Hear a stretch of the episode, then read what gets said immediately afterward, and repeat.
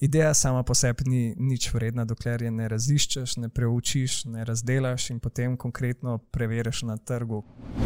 Inovacijski teater je v bistvu predstava za publiko, vodstvo, ki more posvojiti proces inoviranja in to kulturo, te vrednote tudi živeti.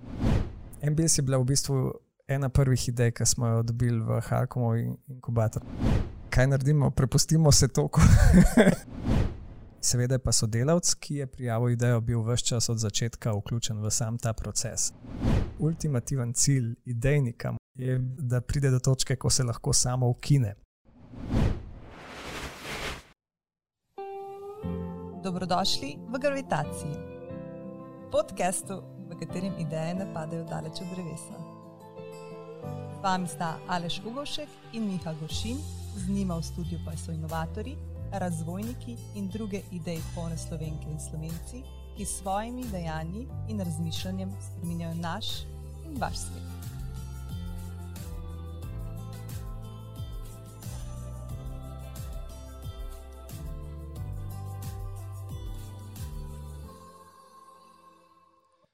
Drage poslušalke in poslušalci, pozdravljeni in dobrodošli v premjerni epizodi novega in nasploh prvega podcasta Gospodarske zbornice Slovenija Gravitacija.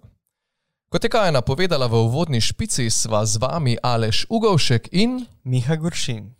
Miha, za nama je nekaj mesecev razvoja tega podcasta, od ideje pa vse do njene realizacije. Kaj je tisto, kar ti je najbolj ostalo v spominu? Um, mislim, da mi je najbolj ostalo v spominu vsa pomoč, ki so jo prijela od najnih sodelavcev. Tadeja Krefta, Kaja Konda, Primoža Grubina, Igorja Vovka in ostali člani kreativne skupine. Tudi vsa pomoč uh, vodstva brez njega ne bi uspela. Pa tudi Lauro Ravnikar, ki je napisal to čudovito audio podobo podcasta. Ja, to obdobje je bilo res nekaj posebnega. Sam sem si zelo zapomnil, kako smo opremljali tale naš skromen studio v kleti gospodarske zbornice. Želeli smo ga opremiti s, z neko specifično pohištveno opremo, ampak se je potem zaradi korona situacije zgodilo, da nismo morali iti čez mejo in takrat smo ugotovili, da ima Slovenija dobre proizvajalce pohištva in na pomoč nam je priskočilo podjetje. Alples, ki je naredilo tole odlično omaro regal, ki krasi tale naš čudovit studio. Sicer pa sem si zelo zapomnil tudi celotno zgodbo z dogovarjanjem za termin za tale prvi premjerni uh, podcast eh, z našim gostom, ki se smeji tule čez mizo. Prvi dogovorjen termin je bil že junija, potem pa smo predstavili ta termin, ker ni prišla oprema za snemanje podcasta, prav zaradi uh, korone. Potem drugi dogovorjen termin je bil konec julija, na to tretji dogovorjen začetek avgusta, no in ker gre v četrto rado. Danes snemamo nekje na sredini avgusta, dva meseca po prvem terminu, in smo tukaj za mizo vsi trije. Tema prve epizode podcasta Gravitacija so nič drugega kot ideje. Z najnim premjernim gostom se bomo pogovarjali o idejah, kaj je ideja, koliko je ideja vredna, kako izbrati idejo, kako z njimi upravljati in kaj so najpomembnejše stvari, da ideja ne pristane na pokopališču idej, ampak da enkrat postane inovacija. In gravitacija je podcast, v katerem ideje ne padejo daleč od drevesa. Sam pa bi si težko predstavljal primernejšega gosta kot osebo, ki je prvi idea manager v Sloveniji. V tej vlogi se je uveljavil v podjetju Halkom, zadnja dobra tri leta in pol vodi podjetje Ambills, predtem pa je bil direktor prodaje v IT startupu Salviol, vodja kabineta ministra za delo, družino in socialne zadeve ter prodajni predstavnik IBM Slovenija. Njegov trademark je gotovo entuzijazem, pa tudi strast, optimizem, dostopnost, skrb za sodelavce in korektna komunikacija z javnostjo, v prostem času pa se ukvarja z razvojem inovativne kulture v različnih organizacijah. Je tudi kolumnist in sam zelo rad prebiram njegove kolumne. Z nami v studiu toplo pozdravljam Primoža Zupana. Primož, Dobrodošel v premjerni epizodi podcasta Gravitacija. Kako se počutiš, če bi ocenil od 1 do 5? Jaz sem hotel kar z 10 ocen. Odlično, torej po akademsko se počutiš odlično. Primoš, v tvojem opisu je zapisano, da svoj prosti čas nameniš razvijanju inovativne kulture v različnih podjetjih. A pa je to res uh, v tvoj prosti čas ali ga nameniš še za kaj drugega? Uh, prostega časa je resnic povedan premalo, drugače sem oče dveh hčera, imamo tudi od lanskega leta um, novo članico družine, uh, psičko Belo, ki je pol Labradorka, pol zlata prinašalka uh, ki nam je pogrizla že veliko pohištva, tako da zdaj vem, kam moram poklicati. um, drugač pa ja, v prostem času tudi zelo rad plešem. Uh, in tudi na inovacije in razvoj idej vidim, um, da je to neke vrste poseben ples, za katerega sta potrebna najmanj dva, če ne cel tim. In uh, seveda potem v pravi kombinaciji lahko rata super uh, izkušnja, super doživetje, super potovanje, ki traja in traja. Omenil si, da zelo rad plešeš. Kaj plešeš? Sklepam, da z ženo. Uh, ja, tudi. um, že iz osnovne šole uh, sem uh, prav um, velik del svojega časa namenil športnim, latinsko-ameriškim pa standardnim plesom. Uh, v gimnaziji sem imel malo premora, potem sem pa v času študentskih let zopet nazaj uh, začel in takrat sem uspel takrat moja punca, zdaj ženo, prepričati, da je uh, šla v te vode in da so se matersko začela s tem ukvarjati. Uh, odkar sva starša, je teh priložnosti bolj kot ne na raznih uh, porokah, pa zabavah, prej je bila ta frekvenca malce bolj pogosta. Um, in uh, ja, ples je zagotovo ena zelo, zelo dragocena stvar, ki mislim, da jo v naši kulturi še premalo. Um, premal spodbujamo, negujemo, spoštujemo. Uh, in se mi zdi, da tudi v teh novih časih ne rab svoj uh, premislek, kako na novo zdaj plesati v teh razmerah. Lepo si povedal tole v začetek vsebinskega dela tega podcasta. Poznan si kot prvi idea manager v Sloveniji. Uh, kot smo slišali, tvoja pot do zdaj je že zelo barvita, ampak Če se vrnemo bolj na začetek, kako si sploh postal idea manager, oziroma kako to postaneš? Je to nek formalen naziv, je za to nek proces, kako to pridobiš ta naziv, ali je pot do tega bolj prosta? Um, ta uh, pot se je začela pri meni uh, na način, da sem zasledil oglas za prosto delovno mesto ideja menedžerja v podjetju Halkom v letu 2016, ravno takle čas. In um, ta oglas sem zasledil, ker je ena sodelavka, uh, bivša, bila na razgovoru pri Haku in je rekla, da imajo tako zanimive stvari, to moraš iti pa pogledati. In sem šel pogledat. In me je ta um, oglas tako zintrigiral, da sem rekel, to se pa moram prijaviti.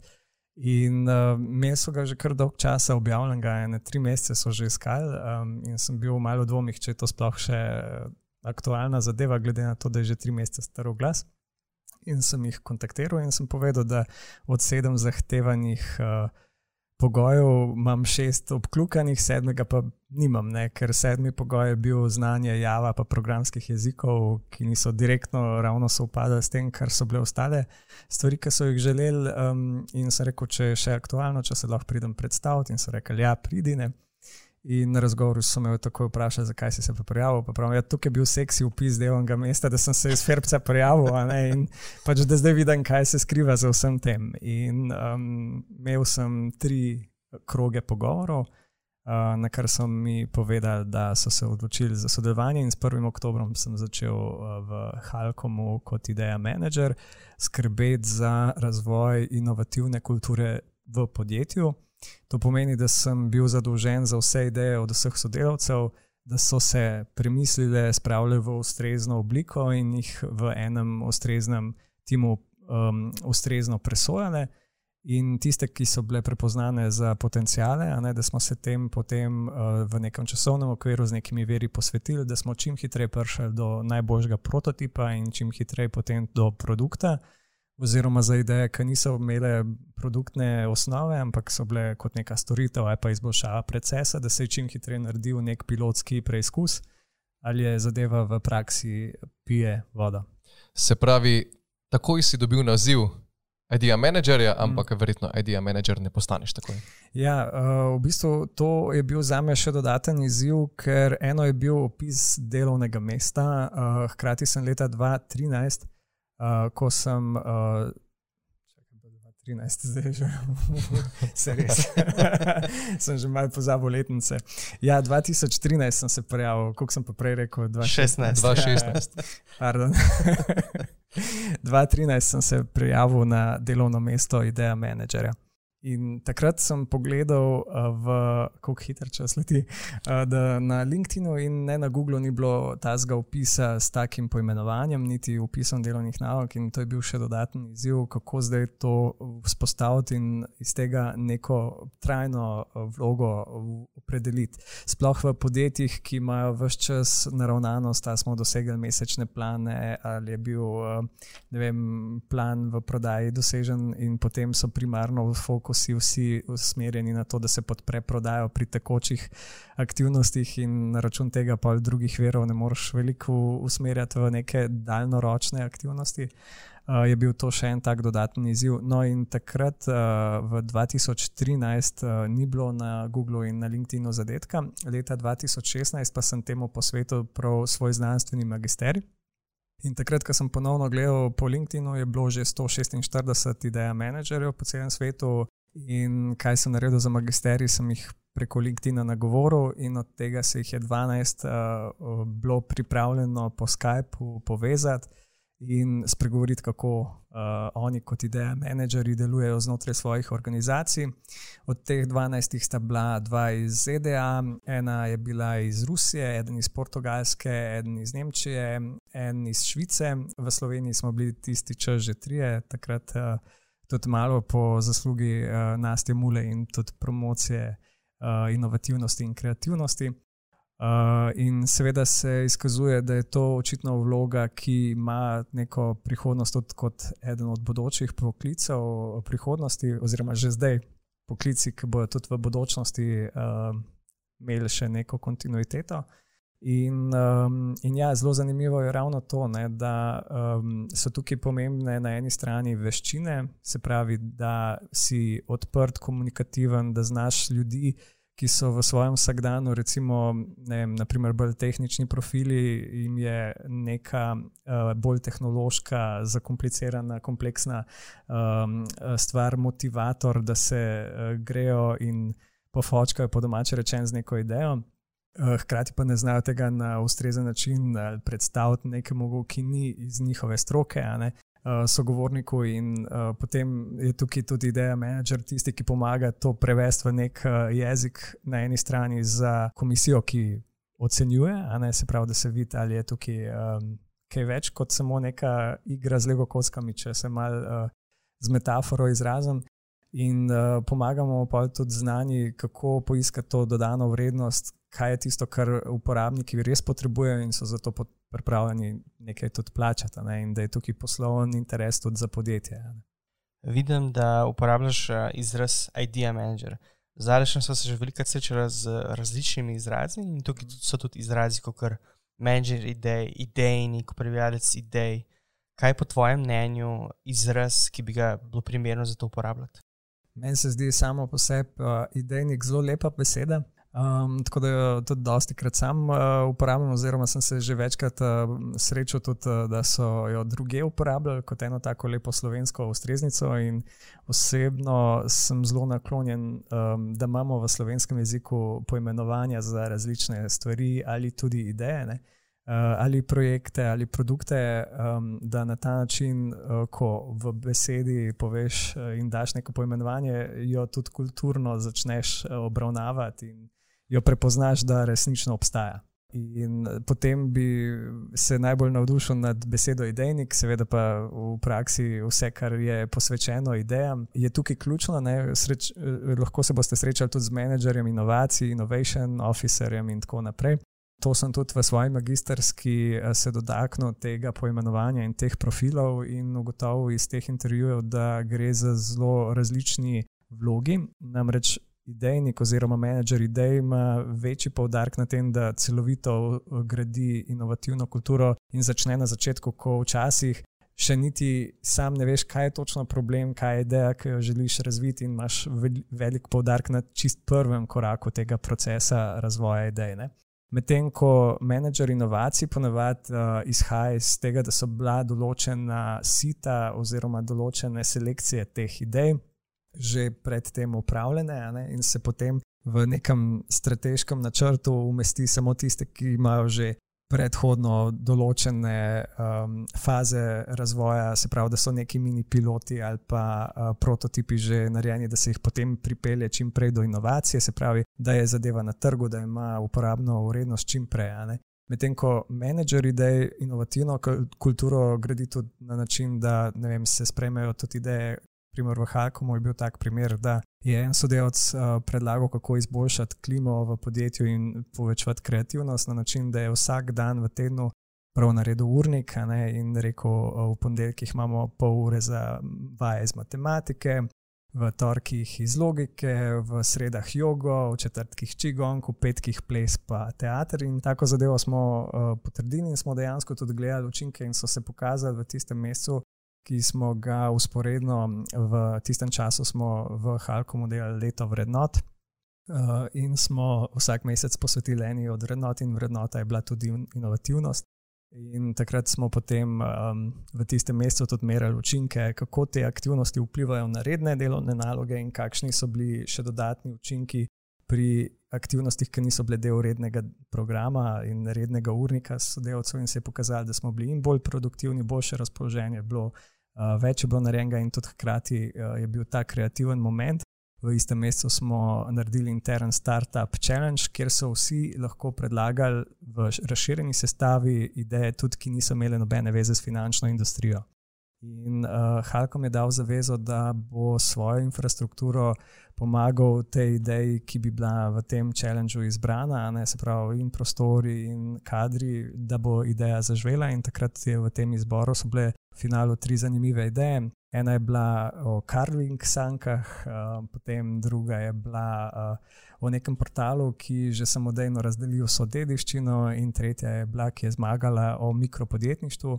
Tisto leto so se ravno vrednotnice upeljale in je v tem segmentu teh pomoči na domu, takih oblik dela, ne, uh, bila um, kar velik um, del teh um, aktivnosti, ki ni bil pokrit digitalno in so imeli rešitev, kako to stimulirati na uporabnikom, če govorimo vem, o hišnih pomočnicah in, um, in čistilkah in teh, kako na njim uporaben in prijazen način to pokriti. Zelo lepo si načel, Primoš, eh, tole, kako je bila ideja potrjena in kako se je realizirala. Realiziral jo je sodelavec. To je vprašanje, s katerim se ukvarjajo slovenska podjetja. Ko nekdo odda predlog in je ta predlog potrjen, kdo ga je realiziral? Si ga realiziral oziroma koordiniral ti ali ga je realiziral on? Uh, jaz, kot ideja menedžer, sem bil zadolžen za cel proces. Ne? Kaj se mora zgoditi na začetku, ko je ideja prijavljena, kaj so elementi ideje, ki morajo biti pokriti, da jo lahko sploh oceniš, ali je v redu, ali, samo, uh, ali so samo sanje. In potem, ko so bili vsi ti elementi izpolnjeni, smo sodelavcu omogočili, ki je prijavil idejo, petminutno predstavitev pred ekipo produktnih menedžerjev in um, ideja menedžerja. In je v tem petminutnem piču imel uh, čas, da predstavi, kaj je problem, kakšna je rešitev, ki je tukaj pač pričakovan nek poslovni interes. In od tukaj naprej smo potem eh, gledali, kaj je še treba dodati v tej ideji, kakšna je razpoložljivost ljudi, da lahko to idejo čim hitreje razvijamo. In jaz, kot ideja menedžer, sem potem, ko sem videl, da potrebe so po vem, enem razvojnem inženirju, sodelavcu, ki se ukvarja z uporabniško izkušnjo, dizajnerjem in tako naprej. Skratka, videl sem, koga vse potrebujemo sem potem z direktorji različnih oddelkov in področji dosegel, da smo v enem časovnem okviru imeli te ljudi rezervirane samo za to nalogo. Ne. V nekaterih primerjih smo imeli periodično, da smo enkrat na 14 dni imeli neko aktivnost, v drugem primeru smo imeli en mesec eh, nekoga fizično v našem inkubatorju, Halkom Studio takrat. In uh, v bistvu to smo od obsega in vsebine ideje prilagodili Ne, in jaz, kot ideja menedžer, sem skrbel, da so koraki, ki smo jih imeli za SPA, da nič ni ostalo v zraku, oziroma če so bili kje kakšni zadržki, da ne bi dali kakšnega sodelavca v ekipo. Sem potem vse sile in napore usmeril v to in eskaliral, če je bilo treba, da smo pa to dosegli. In rezultati so bili zelo pozitivni, um, ni bilo pa vedno tako iz prve zelo enostavno. Um, in um, seveda pa sodelavec, ki je prijavil idejo, bil vse čas od začetka vključen v sam ta proces, ker je bilo pomembno, da je na ta način videl, da se da um, idejo realizirati. Ker je realiziral idejo, je bil motiviran in smo na ta način širili ta inovativen duh. Hkrati je pa uh, dobil dodatna znanja, recimo kako po vidki startup metodi um, tudi uh, te stvari razvijati, in da ni vse samo iz tehnološkega vidika uh, treba gledati, ampak da je treba širšne. Imel sem primer um, senior uh, razvojnega inženirja, ki je vse čas govoril: Ja, vi v poslu, vi obljubljate sanje, ampak potem, ko je pa treba nekaj narediti, se pa mi v tehniki držimo za glave, ne, kaj ste vse obljubljali in vse bi obljubljali, sam, da bi šlo. Pa sem povedal, da ni čistko, ne, uh, ampak se mi pa zdi pomemben, ne, da vidiš, kaj pa končni uporabnik, tisti, ki mu hočemo mi nekaj rešiti, ne, uh, misli. Ne, in on je začel, ja, jaz sem introvertiran tip, jaz se ne bom pogovarjal. In uh, on je imel slučajno idejo o finančnih storitvah, ki bi jih upravljal s pametno uro. In uh, takrat smo potem, kaj sem naredil na Facebooku, sem poiskal ljudi, uh, ki so uporabniki pametne ure, če bi prišel na kavo za pol ure. In Potem so se mi najdli navdušenci, ki so hoteli se na to temo priti pogovoriti. In uh, presenečenje, ne, sem rekel, evo, Klemen, te imaš uh, goste. Ta vprašanja so zate pomembna, da jih vprašaš, da boš lahko svoje delo nadgradil. In zdaj je tukaj, pa ja, pa jaz ne bom to sam, pa sem rekel, da se ne grizejo. Ne. Prvo minuto sem bil zraven, da sem jih predstavil, pa prebil let, potem sem jih pa pustil sami. No, je bilo zelo zanimivo, ne, ker je iz tistega, kar je njegov motiv bil, ker se je hotel naučiti programirati v tej tehnologiji, ne, je bil to njegov motivator, da je sploh prijavil idejo. Ne, je iz tistega ven videl, kaj so pa neke potrebe, ki so jih želeli uporabniki imeti pokrite. In je na koncu iz prve ideje. V končni različici, v prototipu, pripeljal do tega, da je nekdo, ki je šel recimo v trgovino, opravil nek nakup z glasovnim ukazom, označil, je bil to nakup, v, vem, nakup hrane ali je šlo za nakup nekih um, ne vem, daril ali kar koli. In je bila to ena od stvari. Zelo lepo si zdaj uh, opisal in izpostavil tudi, da je potrebno gledati uh, vnaprej, kaj si želijo naši uporabniki. Uh, tudi zelo lepo si že nakazal, kak je ta idejni management in kako pripeljati ideje do same inovacije. Kako pomembni pa so pri tem postopki, metode, Koliko se je tega potrebno posluževati? Ja, tega uh, se treba precej. Um, v bistvu dobra struktura je tista, ki omogoča, da se um, z neko pravo obravnavo uh, ne spregleda ideje, ki imajo lahko lep potencial. Uh, hkrati pa je en je ta čisto organizacijski vidik, drug je pa tudi psihološki. Mi smo pri sebi takrat v Halkomu govorili o dveh mostovih. Prvi most od ideje do prototipa in drugi most od prototipa do produkta. In pri prvem mostu, če ni prišlo do prototipa, je šla ideja na pokopališče idej, ker v bistvu se z njo ni kaj več dost naredil. Uh, če bi bil pa prototip razvit, pa da se je potem nekje pozabil in prašil, je pa prišel do pokopališča inovatorjev. To je ta psihološki vidik, ker tisti, ki je bil na začetku tega procesa entuzijast, ker je njegova ideja, ker je njegov otrok. Ne, Je z nekim žarom vse aktivnosti delal, pa, pa iz tega ni bilo nič, bil pa globoko razočaran in ta zga najtežje potem pripeleš nazaj v druge aktivnosti, ker reče se te pa ja brez veze in postane inovacijski skeptik na mestu inovacijski entuzijast. Ne. Vmes uh, so še tri uh, druge uh, skupine sodelavcev. Um, druga skupina so recimo zauzeti, ki so pripravljeni pomagati pri razvoju idej, pa niso pripravljeni nositi nobene odgovornosti v primeru, če ne bi uh, bili izidi uh, pozitivni ali pa če bi bile napake potem so opazovalci, ki z neke varne razdalje opazujejo, kaj se dogaja, in eh, potem so tukaj še speči, nevedni, eh, ki nezavedno, oziroma sploh ne vejo, da obstaja kakšna skupina ali pa kakšen proces za razvoj idej. In um, ta je bil psihološki vidik, ki sem ga omenil, organizacijski pa je tudi ta, da točno veš, koliko ljudi rabiš, koliko sredstev, da imaš neka stroškovna mesta, ne, na katerih te aktivnosti vodiš, da lahko kadarkoli pokažeš, da je ta aktivnost, ki jo na dolgi rok potem lahko primerjaš, koliko si vložil v to in koliko je začel uh, iz tega naslova, iz mladih produktov, uh, koliko je prihodkov, da lahko pokažeš to z nekimi konkretnimi kazalniki. Ne? In uh, zagotovo je to zelo pomembno, da imaš uh, in organizacijski in psihološki vidik pokrit.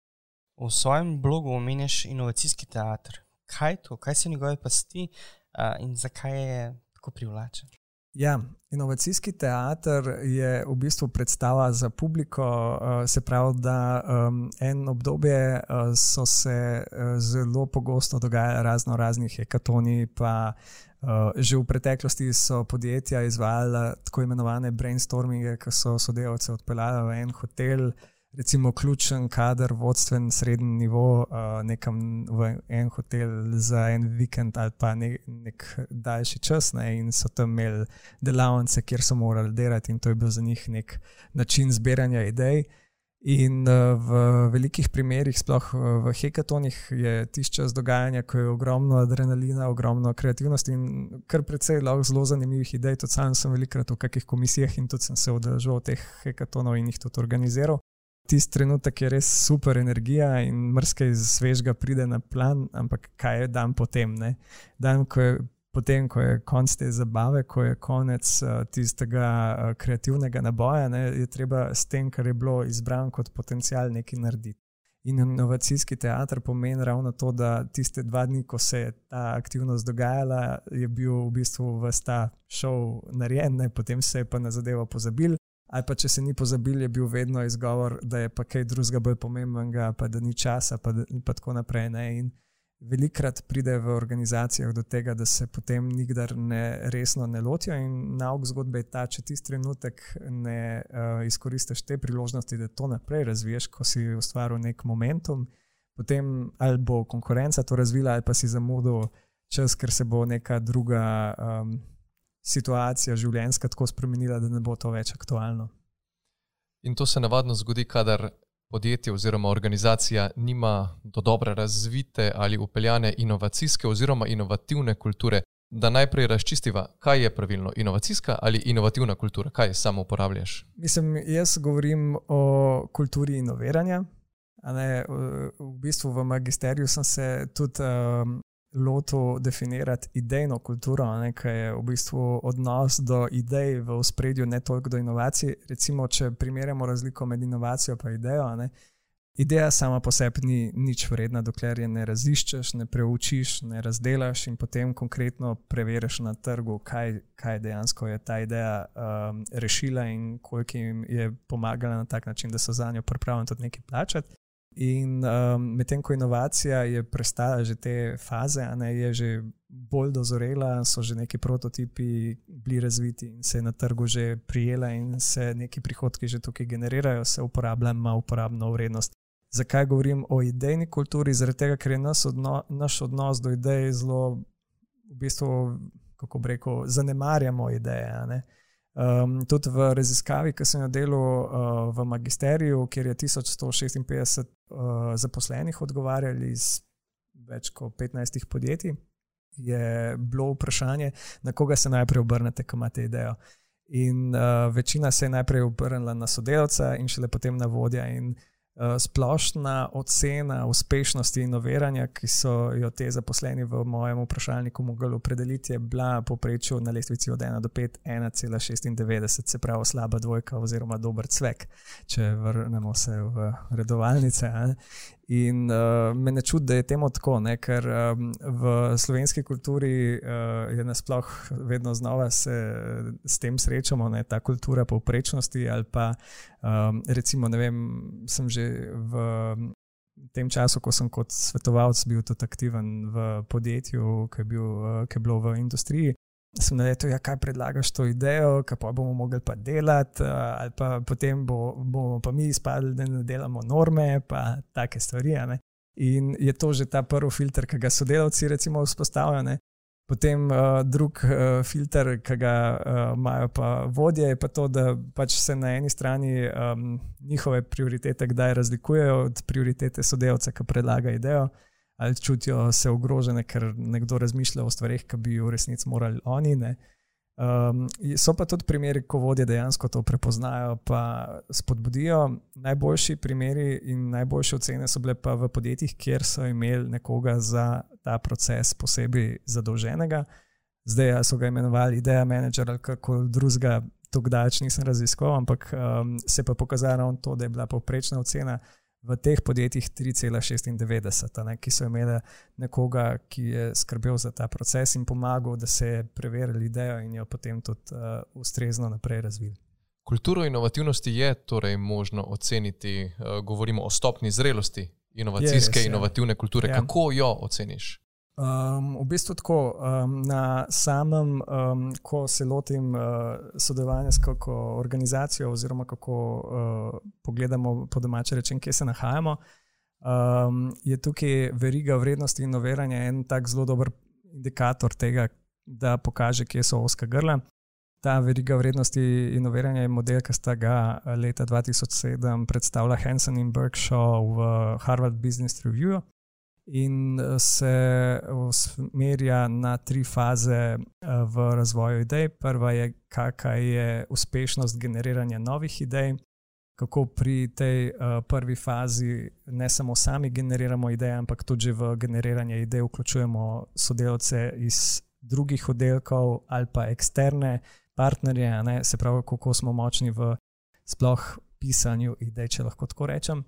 Potem uh, druga faza je, kako smo uspešni v selekciji in razvoju tega, kar smo identificirali kot neko idejo. In potem zadnja faza je, kako smo uspešni v tem, kar smo razvili, da smo to lansirali na trg. In tle se recimo pokažejo um, primeri, ko so podjetja zelo šipka v generiranju idej in posledično tudi ne morejo imeti nekega uspeha v razvoju prototipov in potem uh, umestitvi tega na trg lahko imajo podjetja zelo velik del uh, generiranih idej, pa jih ne uspejo preveriti in razviti do prototipa, ker nimajo prioritet, nimajo infrastrukture. Lahko pa se zgodi, da podjetja ogromno idej uh, nanizajo, jih ogromno do prototipov razvijajo, ampak na trg ne pridejo, ker nimajo neke tržne vrednosti in mogoče z napačno metodo postopajo. In v vseh teh situacijah je to samo indikator, da, da je treba na določenih segmentih usmeriti energijo. In enkrat sem naletel na situacijo, ko so rekli, ja, da vemo, da dela s konkurenco, ne, da nam pove, kako oni dajo zaposlenim nagrade za ideje. Ne. bomo še mi dali, pa bomo mi bolj rešili naš problem inoviranja. Pa sem povedal, da temu uh, ni tako enostavno uh, slediti, da je tukaj v prvi vrsti vodstvo, ki more posvojiti proces inoviranja in to kulturo, te vrednote tudi živeti. In v praksi, če pomeni, da je nekdo, ki da neko idejo prepoznan kot nek ključen sodelavec, ki mu ni vseeno za organizacijo, ki v njej še razmišlja o svojem prostem času, ne, mora to čutiti od vodstva. Zdaj, na kakšen način je to materialno ali ne materialno, včasih so že pohvale, pa neki osebni pristopi, veliko več, uh, bolje sprejeti. Um, in um, to se je tudi v praksi marsikje pokazalo. Je pa res, da če je podjetje v točki, ko mora prepričati svoje zaposlene, da zdaj misli resno, ne, pa tudi z nekimi manjšimi denarnimi spodbudami to hitreje in bolje doseči, da se vidi, da je tukaj dejansko nek sistem, ki se je vzpostavil in da držijo obljube, ki so jih dali zaposlenim. Se pravi, če je ena ideja, ne vem, vredna 25 evrov, da jo dejansko nekje pri plači nekdo tudi vidi. In uh, šele potem, ko je ta prvi dvom premagan na strani zaposlenih, ne, potem se lahko odprejo glave in so pripravljeni deliti tudi najbolj skrite zamisli, ki jih je včasih strah, da bojo pa zaradi tega preganjani na grmadi sežgani. ja. Ko govorimo o sami poti od ideje do same realizacije, zakaj je odprto inoviranje tako pomembno?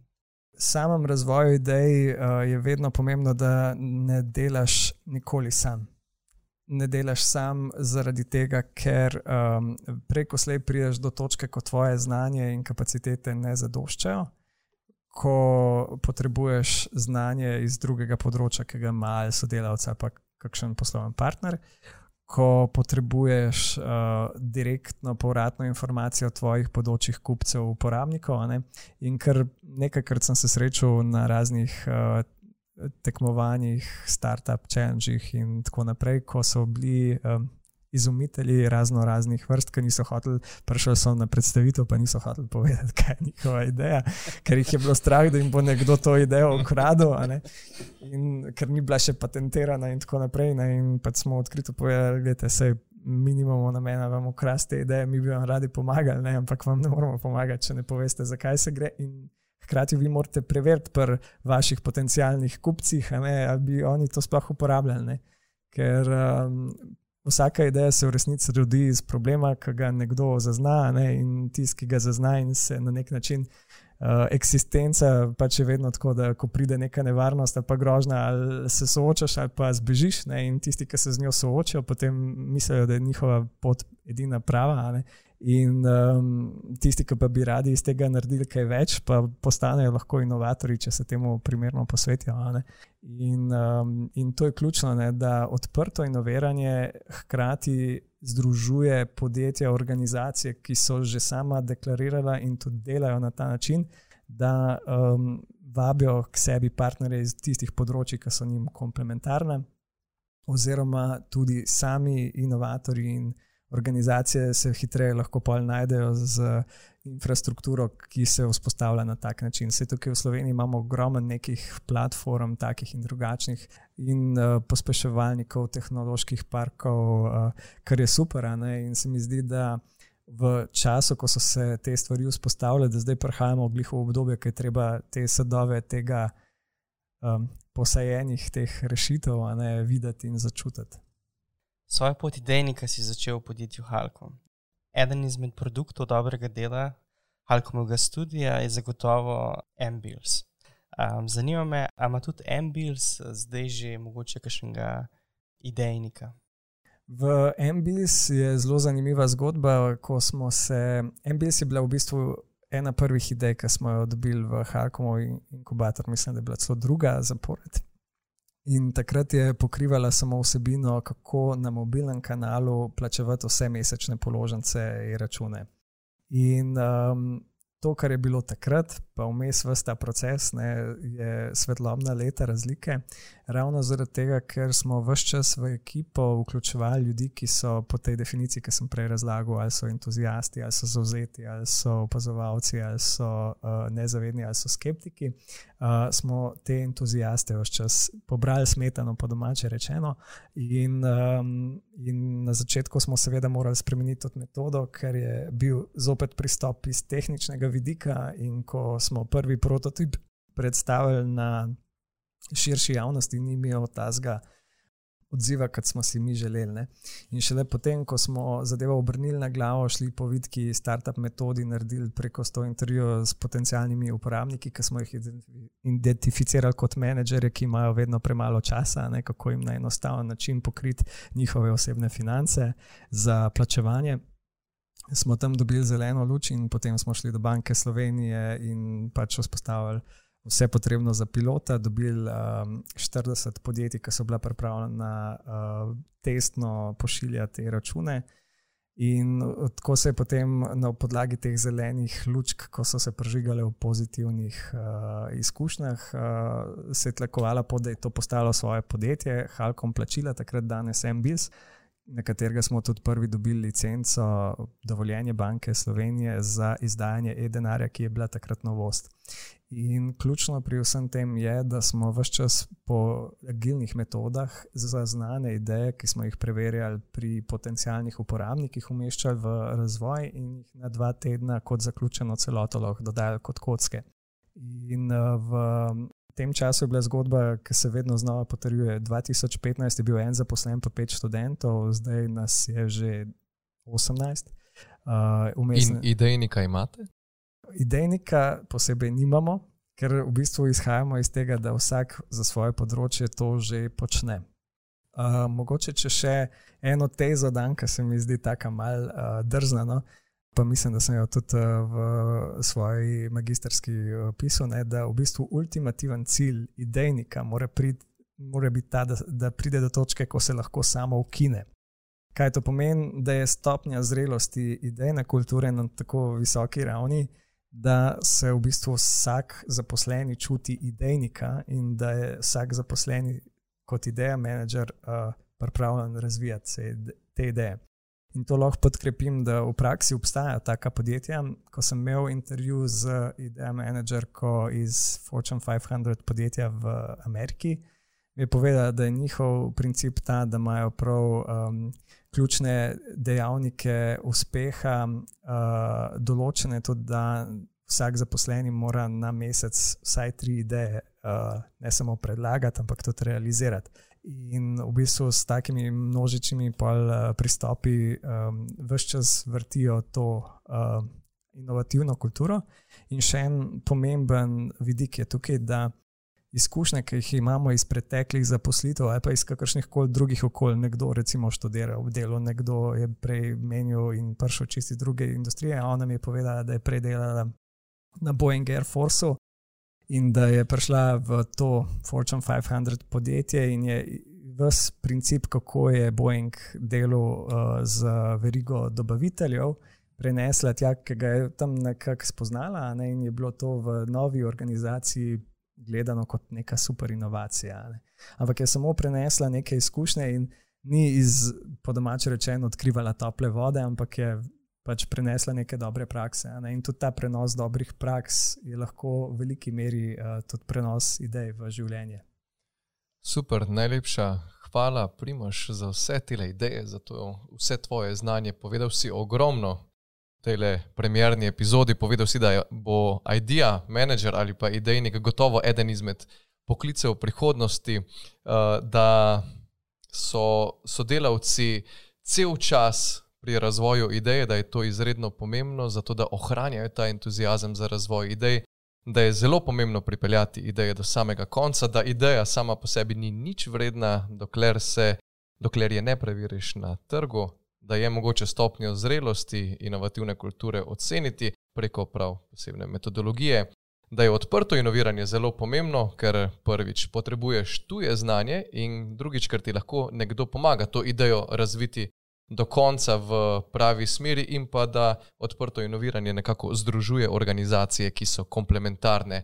Da je super, če si tako uspešen, da pri tipih zaposlenih pobereš tiste entuzijaste za svoj kader, in pa da je nekako ultimativen cilj idejnika to, da se lahko, kot si slikovito predstavil, sam ukine, ko pride do te najvišje stopnje neke osebne inovacijske kulture. Torej, primoš res. Uh, Čudovito je bilo tole poslušati in srkati vse to znanje od tebe, ti pa še nisi konec. Namreč za konec tele epizode smo prihranili prav poseben izziv oziroma kviz od izziva. To je ideja.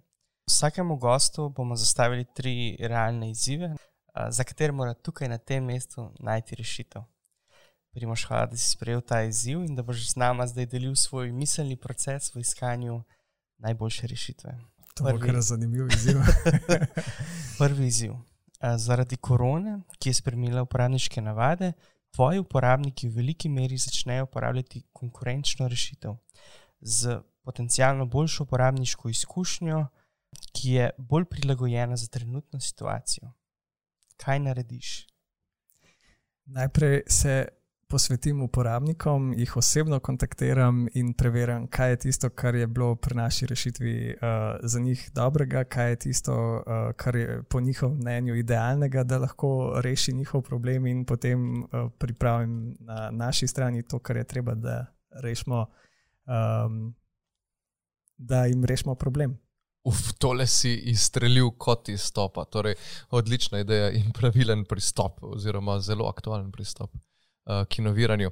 Ok, mogoče je bila ta prva prelahka, gremo na naslednjo, malo težjo. Si na 14-dnevnem dopustu, preživljaš ga v kampu, kjer šotoriš z družino. Po enem tednu na, napovedano, je napovedano tridnevno deževje, ki sicer ni tako obilno, da bi bilo problematično za vaš šotor, pa vendarle, kaj naredite? Pa uh, kaj naredimo, prepustimo se to. se pravi, ne pobegnete domov. Ne, ne, ne. Zaradi take stvari ne. Um, sicer ne šotorimo ponavadi, ne, tako da to, to bi bila lahko zanimiva izkušnja, da še gremo, imamo še na seznamu stvari, ki jih imamo še za narediti, ko boste punci mal večji. Uh, drugač pa sam sem bil že v šotoru, ki je prišel dež in pač me je malo namočil, ampak se se posuši, ker si na morju, pa je sonce se pač treba na vse stvari gledati kot priložnost za nekaj božga. Ne. Pa smo imeli zgor, da smo šli iz enega šotora v drugega, ki ni bil. pač, greš v tizga, ki je manj mokr. Ne. Na razgovor za menedžerje idej prijete dve osebi. V prvi začutiš potencial, vendar nima dovolj delovnih izkušenj. To bi bilo njeno prvo delovno mesto, po izobrazbi pa je naprimer, antropolog. Druga oseba je organizirana, ima izkušnje iz razvoja in inoviranja, po izobrazbi je strojnik, ki pa ni samo inicijativen. Koga izbereš? Prva oseba prvo, ali lahko malo več. Ja, uh, to se brez uh, težav lahko uh, razložim. Ravno izziv, ki sem ga v praksi imel, ko sem gradil ekipo uh, prvih uh, študentov okrog MBS, uh, je bilo vprašanje, zakaj ne vzameš izkušenih sodelavcev, ki imajo že v bistvu znanja o finančni industriji, poznajo e-račune in tako naprej. Da sem rekel, da ja, je ravno zaradi tega, ker to so mladi, ki želijo nekaj spremeniti, ki imajo ta žar, ki se bodo hitro naučili in ker bojo, ker bojo zaradi tega, ker dobijo priložnost narediti nekaj takega, da še nekaj več od sebe. Pa um, tudi sam, kot ideja menedžer, sem prišel na to pozicijo brez izkušenj iz ideja menedžmenta kot takega. In verjamem, da če se um, lahko z energijo pokažeš, da, da imaš voljo in da si se sposoben učiti, in da, da vidiš, da je to neka življenjska priložnost, da boš to tudi izpeljal. In za konec še mogoče kitajski pregovor, ki se mi zdi, da to zelo lepo ponazori. In ga večkrat tudi povem, uh, ko zapihajo vetrovi sprememb, nekateri gradijo zidove, drugi pa mline na veter. Ne? In v takih situacijah vedno tehtam, ali sem postavil zid, ali sem naredil mlin na veter, ali kaj božga. Primož, zaključil si čarobno. Tole je bil res lep zaključek, drage poslušalke in poslušalci. Upamo, da ste dobili, oziroma ne upamo, prepričan sem, da ste dobili strani prvega idea menedžerja v Sloveniji dobre ideje, ki ne bodo padle daleč od vašega drevesa. Hvala za vaše poslušanje do konca. Povabljeni k poslušanju naslednje epizode podcasta Gravitacija, ki bo išla v septembru. Za komentarje jih lahko oddate preko spletne strani gravitacija.gzs.si. Zahvala Primožu, ki ga lahko kontaktirate preko Facebooka, to bo najučinkoviteje, ali preko LinkedIn-a, lahko pa mu pišete tudi na primos.zupan.afna.ambils.si. Sicer pa uživajte še preostanek avgusta in se vidimo v septembru. V resnici se ne vidimo, slišimo se. Slišimo se. Hvala ti, Primoš, za te vse odgovore. Hvala obema za prijeten pogovor. Mislim, da so bili zelo spodbudni za, za vse tiste, ki bi hoteli postati IT-ja menedžer. No, veseli.